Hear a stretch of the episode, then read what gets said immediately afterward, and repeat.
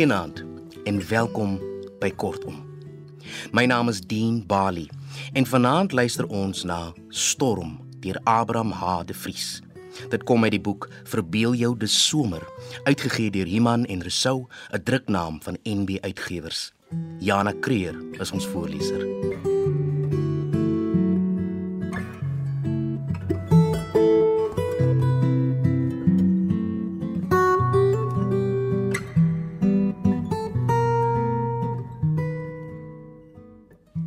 Ons slaghuis se voordeur weer agter my toe trek, en die blokman en sy vrou wat agter die kassa werk was natuurlik nog nie daar nie, het ek self binne onder die wit lig die spek op die toonbank gestaan en sny.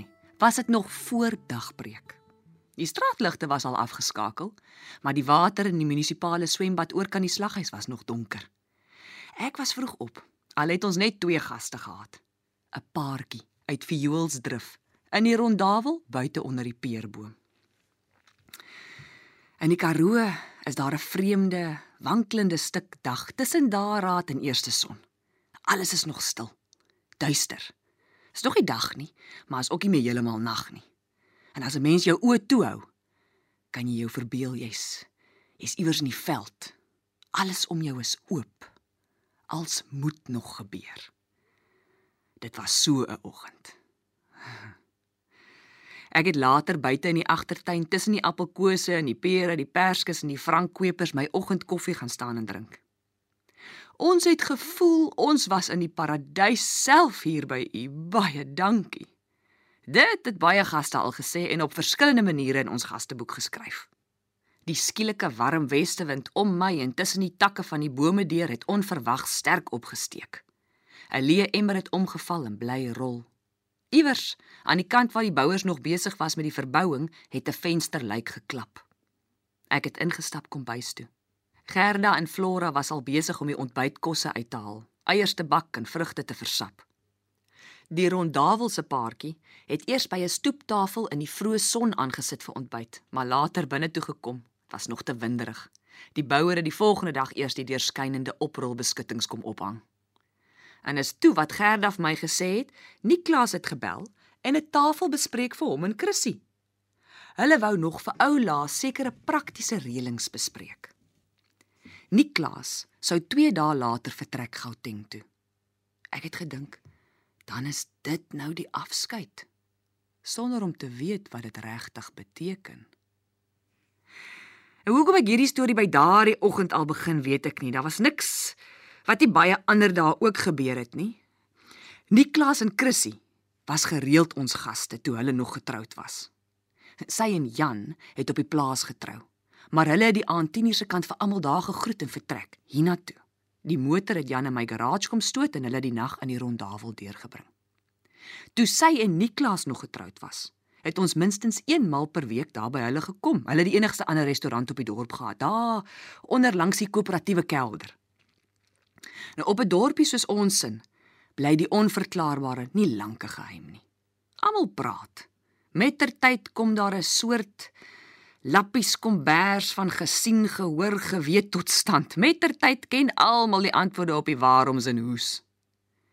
Toe ek jou versoek kry, was dit Gerda wat gesê het: "Sê hy kan maar kom, al is dit hoe lank gelede, want tot vandag toe het niemand iets vertel, iets bygelas wat my laat wonder het of dit nie miskien tog die rede was vir daardie treurige aand nie. Niemand nie.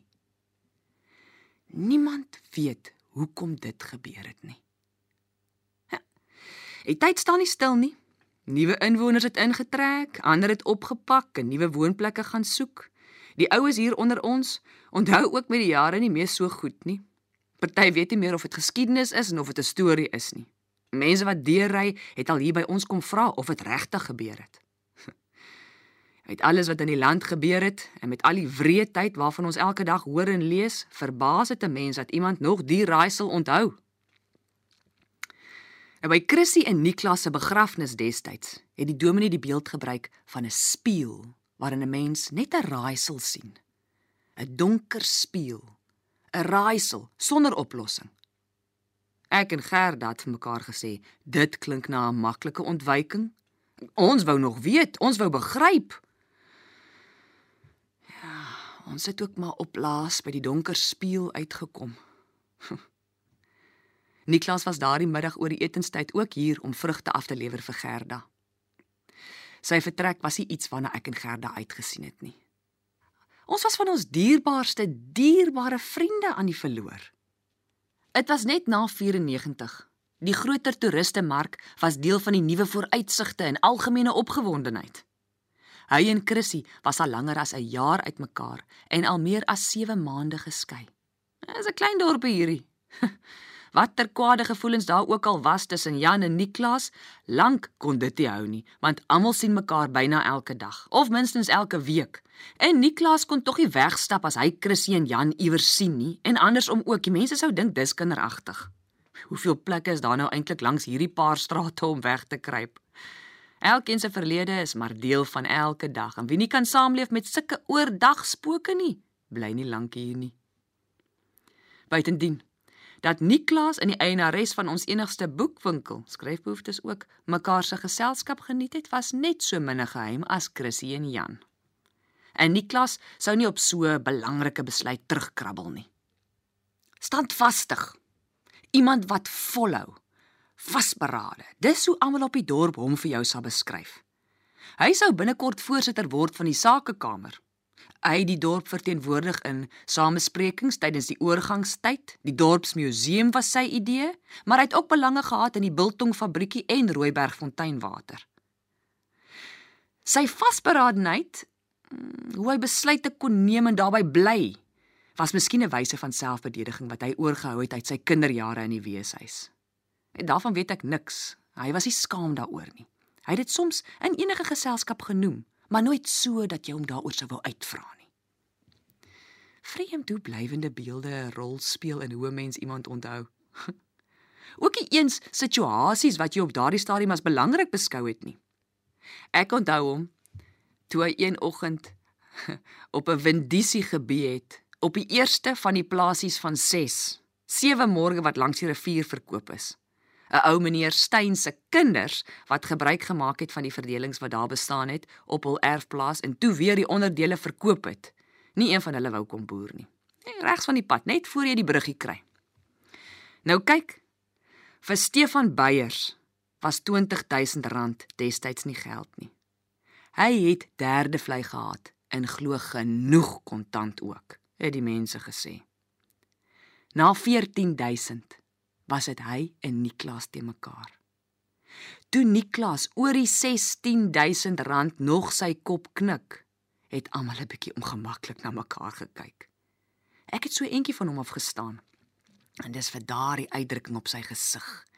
Die houding wat hy gehad het oor sy hele lyf wat ek 'n woord soek. Op 23500 rand is die bot op hom toegeslaan. Selfs Stefan wou nie meer as R23000 betaal het nie. Vandag is dit natuurlik nie geld vir so 'n plekkie nie, maar toentertyd was dit 'n fortuin. Daar was nog eers 'n huis op die grond nie. Niklas het om hom gekyk soos iemand wat wakker word toe die afslaer hom gelukwens. Hy het skamerig vir almal geglimlag, sy kop geknik en gesê dankie. Weer die Niklas wat almal geken en gerespekteer en soveel van gehou het verbete. Dis die naaste aan wat ek wil sê. Maar nie heeltemal nie. Daaronder was 'n ingehoue, opgekropte soort heftigheid. Beheerst, maar nie getemper tot net vasberadenheid nie. Aan ons vriendskap het dit nooit enige verskil gemaak nie. Dis maar hoe Niklas ook was. Hulle het saam die huis daar beplan en laat bou. Hy het na die skei saak daar bly woon. Tog vreemd, né? Hmm. Gerda het Chrissy na die skeiding help trek na die woonstelletjie agter aan Jan hulle se tuishuis. Almal het toe al geweet van haar en Jan, maar Niklaas het die meubels waarop hulle ooreengekom het dat sy dit sou kry daarby hom gestoor. Toe sy na die verloving by Jan op die plaas gaan woon het, was die meubels nie meer nodig nie. Myra, Jan se vrou, het 'n oog vir mooi meubels en passende klere. En na haar dood het Jan die huis net so gehou. Ons was baie daar by hom. Chrissy se meubels was gestoor, Niklaas het ander gekoop. Nou dat ek daaraan dink, onthou ek een aand wat ons daar was vir sy verjaarsdag. Toe lui die telefoon. Hy het nie sag gepraat nie. Baie dankie Jan. Hoe gaan dit met die seun? O, bel jy van Oudtshoorn af? Ja, ek weet, ek weet. Chrissy het vanoggend gebel voor jy met hom Oudtshoorn toe is om geluk te sê en verskoning te maak. Sê groete daar. Dankie Jan, sien jou môre by die vergadering. En toe vir ons. Jan hulle kan nie kom nie. Dis jammer. Hulle was met Benny dokter toe. Minder as 3 maande later is Chrissy se meubels op Niklas se fundisie verkoop. Hulle was al hier toe ons hier aangekom het. Toe ons blyplek en leefplek gesoek het nadat my paadjie by onderwys en ontwikkeling in Pretoria doodgeloop het. Teen die geskiedenis kan 'n mens maar sê, was Chrissy en Niklas al hier. Ek het mos al vir jou vertel, hy het dieselfde ondervindings gehad as ek. Hy net in bosbou. Nee. O ja, ons was dieselfde erf se weggooi kalwers soos die boere hier sou sê, en ons moes plek maak vir die nuwe kudde. Ah, daarom moes nie. Wou. Die skrif oor bevordering en verhogings en daardie soort werksbevrediging was aan die muur. Chrissy en Niklas was al byna heeltemal ingeburger op die dorp. Hulle het ons rondgewys tot ons daardie tuin die oggend gesien het. Ek en Gerda het in die soveelste huise gang afgestap. Toe ons weer sien, was ons op die agterstoep en voor ons was die tuin. Deur onder kom mens die rivier hoor. Ons het net daar besluit om te koop en weer te begin. Gerda het gesê sy sal vir jou 'n paar foto's wys waarop Chrissy ook is. Dan sal jy sien. Om te begryp wat die dorp getref het, moet jy Chrissy goed voor oë hou. Was sy mooi? Ja. Ja en nee. Chrissy was mooi. 'n Baie mooi mens. Maar haar voorkoms het niks te doen gehad met films en advertensies en sulke soort vrouens nie. Haar gesig het sy gehou soos die Here haar geskaap het.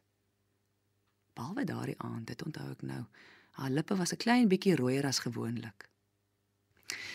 Wat die dorpsmense aangetrek het, was ook nie net haar uiterlike skoonheid nie. Weggesteek in wat ons pragtig of streelend of goddelik of oorrompelend noem, is daar iets soos 'n natuurmag wat net homself bly. Ek raak nou sentimenteel, maar dis hoe mooi Chrissy was.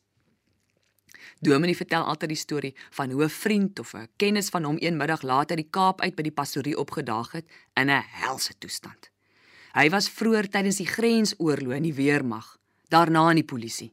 Getroud, kinders, maar hy het nooit met iemand gepraat oor sy ondervindinge in Angola nie, nie eens met sy vrou nie. Die polisie se maniere van doen het soos 'n muur die golf vol vroeëre onmenslikheid teëgehou tot 'n onverwagte en onwelkome verplasing die golf laat breek het. Huisprobleme, drankprobleme, depressie, 'n spook van die rugbykaptein en selfs musikale talentvolle seun wat hy vroeër was. Selfmoordneigings, noem maar op, is 'n bekende storie. Hm. Chrissy en Niklas het die agtermiddag by die pastorie verbygery. Dominee se kar sien staan en vasgetrap om te gaan inloer. Wat die mens gedoen het, sê Dominee weet hy nie. Maar Chrissy het met die vriend van hom gesels. Tot Niklas gesê het hulle moet ry want hulle moet vroeg die volgende oggend nog iewers heen gaan. Dominee sê die volgende oggend reeds het die vriend van hom van self begin vra vra oor hulp in plaas van net kla oor hulpeloosheid. Die ergste van die nag was verby. Die son het weer, hoe flou ook al begin skyn. Dominee het altyd gesê, die dag met die begrafnis ook. Elke keer as die seisoene verander, en veral met lente, sal hy altyd aan Chrissy dink. Ons het almal geweet wat hy bedoel. Chrissy en Niklas het albei baie mense op verskillende maniere gehelp. Vir hulle was dit normaal. Was soos hulle was. Ja, daar was 'n skaduweekant. Ja, Niemand het iets ernstigs vermoed toe Chrissy by 2 of meer geleenthede kennelik 'n glasie te veel gedrink het nie. Hier het die wêreld ook verander. Almal word ouer. Maar in die plek van vroeër dae se gesels en vertel, uitvra en skierigheid, kinderstories, twiste en politiek, lag saam, trane saam, het televisie en stiltes en vrees en gevoelens van niks werd wees nie nou hier op die platteland ook maar die leefwyse geword. Wie sou ons wees om 'n vinger te wys? Niklas het die stuk berggrond bo onder die rooi koppe gekoop en die vars fonteinwater begin bemark. Chrissy het 'n ruk lank alleen die restaurant bestuur. Toe Gerda een oggend terugkom van 'n besoek by Chrissy, was sy ontsteld. Sy het vir my gesê iets ernstig loop verkeerd tussen Chrissy en Niklas en sy vermoed Jan het iets daarmee te doen. Maar dit was net vermoedens. 'n Rukkie later het Chrissy by 'n vriendin in Somerset gaan kuier. Ons dink dit was toe al die eerste besoek aan die uh die inrigting waar mense uitvars. Ek kan vir jou 'n hele dag lank vertel van vermoedens hier en ondervindings daar, maar alles saam sê min of meer dat dit hel moet wees vir twee sulke mense in dieselfde huis om van mekaar weg te groei tot waar hulle in vriendskap skei. Ek en Gerda het later besluit Jan was op daardie stadium niks meer as 'n vriend wat goed kon luister nie. Sy vrou is 'n jaar tevore oorlede met die geboorte van hulle eersteling, die seentjie Benjamin. Hy het self nog gesukkel om sy eie deurmekaar lewe en die kind se versorging agter mekaar te kry. Chrissy en Niklas het albei met ons gepraat. Hy minder. Wat kan 'n mens anders doen as om te luister? Ek onthou sinnetjies uit daardie tyd. Chrissy wat gesê het, uh Miskien is ons albei ander mense as wat jy ken. Ons word by die dag eensamer saam. En Niklas wat op pad waterplaas toe een oggend erken, hy besef daar is iets aan my wat vir haar gif is. Dit laat haar ontvlugting soek en ons het aande lank niks om vir mekaar te sê nie. Dit maak my so God weet magteloos. Vloek was nie by hom 'n gewoonte nie. Verder was daar nooit verwyte nie. Nee, die teendeel. Toe die ding tussen Jan en Chrissy bekend geword het en veral nadat sy plaas toe getrek het en met Benny ook besig was, het sy nie net haar ou self geword nie. Die harteleed agter haar glimlag het haar selfs mensliker gemaak en mooier. Niklas het een Sondagoggend na kerk vir my en Gerda aan die kombuis gesê: "As daar iets is wat hom bly maak, is dit dat Chrissy se probleme iets van die verlede is." Toe maak hy nog 'n grap en hy sê as Jan nie oppas nie, raak hy van voor af op haar verlief. As ek nou terugdink, was daar iets. Ek soek na die woord. Ag, toe maar, dis so belangrik nie. Daardie laaste aand het Niklas 'n glas of twee rooiwyn gedrink. Die res het in die bottel agtergebly en natuurlik 'n bietjie port wat hy wou gehad het ek moes saam met hom gaan drink op die stoep. As jy my en Gerda gevra het, sou ons vir jou gesê het as hulle nooit goeie vriende was nie, het Niklas en Chrissy dit daardie aand geword. Dit was asof al die leed, al die narigheid verby was. Niklas wou hê sy moes vir hom die werk kry by die fontein bestuur solank as wat sy wou of tot 'n nuwe eienaar later oorneem. Hy het die fonteinplaas nie saam met sy ander eiendom verkoop nie. Ons het gedink miskien hou hy 'n deur oop vir ingeval hy besluit om eendag terug te kom. Chrissy was daardie aand die mooiste wat ek haar nog gesien het. Die bruin jakkie, die dun middeltjie, daardie pragtige groot oë en gesond, opgewek. Probleme iets van die verlede. Ek en Gerda het 'n rukkie buite in die tuin na die twee daar binne gestaan en kyk. Moet ons huil of juig oor die rondawel onder die peerboom al vol is vir vannag? Het ek 'n grap gemaak. Gerda het gemaak of sy skrik en my kamma uitgetrap. Maar dis hoe dit gelyk het. Omdat ons gesien het, Chrissy kyk op haar horlosie, het ons koffie gaan bedien. Jan moes van die plaas af inkom om haar te kom haal. Hulle het afgespreek vir presies 10uur dat hy Benny nie te lank alleen hoef te laat nie. Dis toe wat Niklas my genooi het om saam met hom 'n glasie port te gaan drink op die stoep terwyl hulle wag. Ek kon nie, die ander gaste wou afreken. Die gaste was al weg. Ek het hulle hoor ry Ek was net besig om die geldlaai uit te haal om te gaan wegsluit toe ek Jan hoor aankom met sy bakkie. Voor ek dit was nie 'n minuut later nie. Voor ek met die geldlaai in die spens by die kluis was, het ek 3 skote hoor val. Net 3. Daarvan is ek seker. Eers 1 en toe 2 kort na mekaar.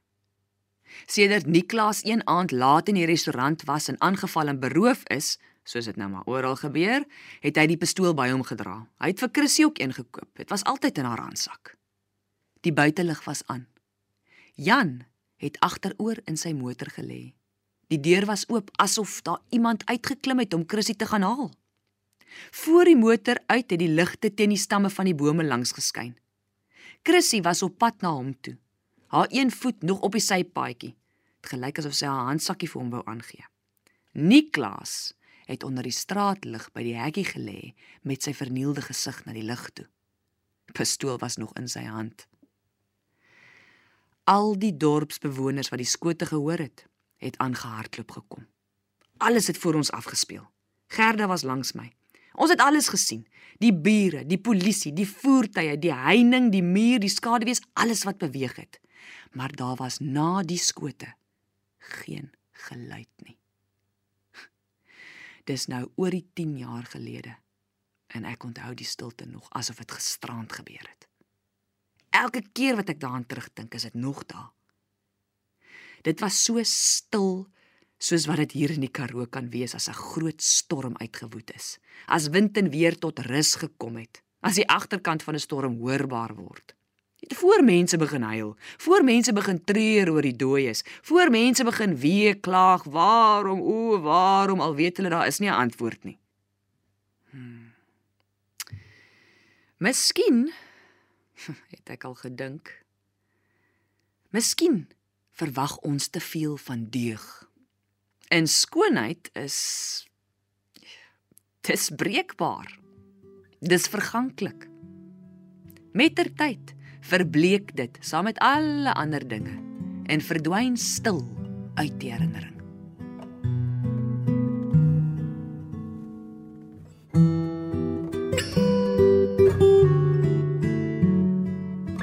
Dit was Storm deur Abraham H de Vries.